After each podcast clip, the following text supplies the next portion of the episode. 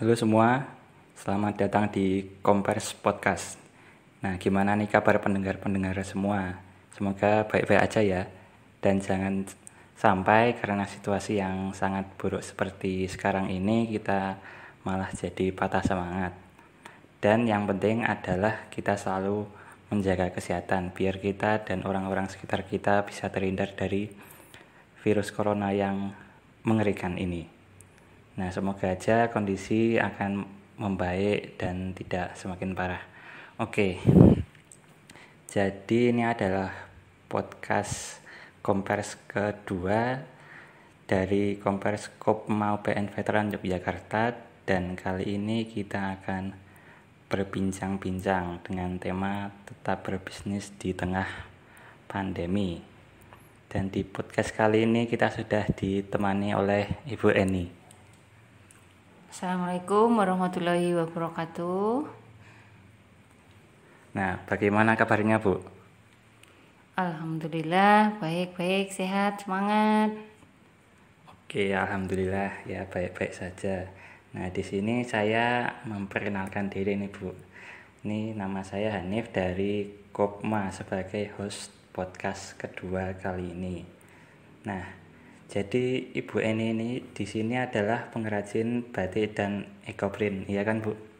Ya, saya pengrajin batik dan ekoprint. Ekoprintnya kain, kulit, dan berbagai macam kerajinan yang lain. Nah, mungkin beberapa pendengar ini ada yang belum familiar dengan kata ekoprint, Bu. Nah, apa sih Bu ekoprint itu? Ekoprint itu adalah sebuah kerajinan tangan yang menggunakan biasanya menggunakan kain, kulit, kertas atau material yang lain dengan menggunakan zat warna alam. Dan di situ mencetakkan aneka daun dan bunga ke, dalam, ke di atas media yang tadi saya sebutkan bisa di atas kertas, bisa di atas kulit. Dan di ekoprint ini yang menjadi poin penting itu adalah menggunakan zat warna alam dan kekayaan alam yang ada di sekitar kita. Jadi memanfaatkan potensi yang ada di sekeliling kita seperti bunga, daun. Bunga daun pun juga tidak selalu yang segar, bisa jadi daun yang sudah kering atau sudah berguguran. Nah, saya mau tanya nih Bu, Bu kan pengrajin batik dan ekoprint ya. Nah, motivasi awal untuk membatik dan membuat ekoprint itu dari mana ya, Bu? Kalau motivasi datang dari diri sendiri yang ingin mengisi waktu, yang menghasilkan di mana waktu itu efisien dan produktif. Artinya kalau misalnya saya mengerjakan sesuatu bisa dijual dan itu bisa menghasilkan, itu sangat menunjang artinya mempunyai potensi yang bisa digali dan bisa menjadi uh, sumber pendapatan baru dalam keluarga.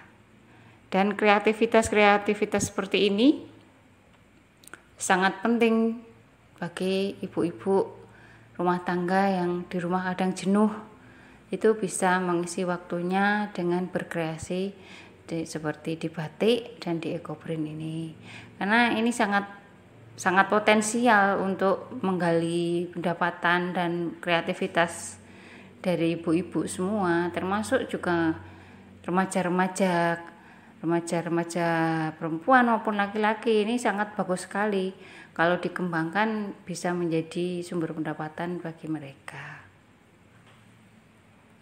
Nah, jadi ibu ini membuat ekoprint untuk agar tidak terlalu jenuh dan me bisa menghasilkan bisa, pendapatan baru. Ya, dan juga biar waktunya lebih produktif ya, Bu ya. ya. Nah, selain membuat, nah Ibu pastinya kan juga memasarkan hasil karya Ibu kan. Nah, bagaimana sih perbedaan strategi pemasaran Ibu sebelum pandemi dan pada saat pandemi ini, Bu? Ya, sangat beda ya sebelum pandemi dan setelah ada pandemi. sebelum pandemi itu kita sangat leluasa memasarkan produk kita dengan pameran dengan menawarkan misalnya ke rekanan kita langsung bisa offline bertemu bisa membawa barang dagangan kita misalnya kita bisa menunjukkan kita bisa menunjukkan uh, produk kita dengan jelas jadi konsumen bisa konsumen bisa melihat memegang dan menilai langsung produk kita. Nah di era pandemi sangat terbatas sangat terbatas ruang gerak kita. Jadi kalau yang sebelum pandemi itu kita bermain online pun tetap berjalan nah di era pandemi online sangat vital. Istilahnya yang menjadi utama itu adalah online. Jadi kita memaksimalkan potensi online yang kita bisa. Misalnya di marketplace dan dari dinas KUKMP juga memberikan banyak sekali bantuan dan solusi untuk mengembangkan Eh, sistem pemasaran dari UMKM karena dari dinas pun juga memberikan sistem free ongkir bagi UMKM yang mendaftarkan di sana. Jadi itu kalau di era pandemi kita sangat memaksimalkan pemasaran secara online dan pengiriman barang pun juga online. Nah, berarti Ibu ini sekarang jualan online dan offline juga kan ya Bu. Nah, kalau boleh tahu nama online shop Ibu apa ya dan di platform apa? Nama online shop itu saya ada di WA, ada di Shopee, ada di FB, juga ada di Sibakol yang masing-masing brand saya itu adalah Batik Ayu Purbandini. Kalau di Shopee bisa dilihat di akun Batik Ayu Purbandini. Juga di WA, di IG dengan nama yang berbeda. Kalau akun yang di IG Dini underscore 4589. Tapi yang jelas saya produksinya batik dan ekoprint. Kalau yang ekoprint kulit saya berikan merek Truja. Jadi berbeda kelasnya dengan kain jadi saya beri merek Truja untuk produksi kerajinan yang dari ekoprint Nah, itu kan yang online kan ya, Bu. Kalau yang offline nama tokonya apa dan di mana alamatnya, Bu? Kalau offline nama tokonya Batik Ayu Purbandini, alamatnya di Bandung nomor 88 RT 30 Pendowarjo, Sewon, Bantul. Nah, baik Bu. Ini pendengar-pendengar semuanya kalau misalnya tertarik bisa di WA saja ya. Nah, WA-nya berapa Bu nomornya? Baik, terima kasih. Ini nomor WA saya bisa dicatat 081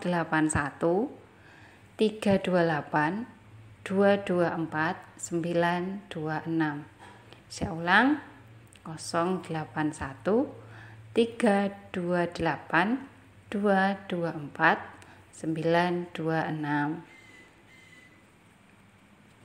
Nah, menurut Ibu nih, bagaimana nih saran Ibu untuk para pelaku UMKM di luar sana, Bu? Apa saran-sarannya di tengah pandemi ini?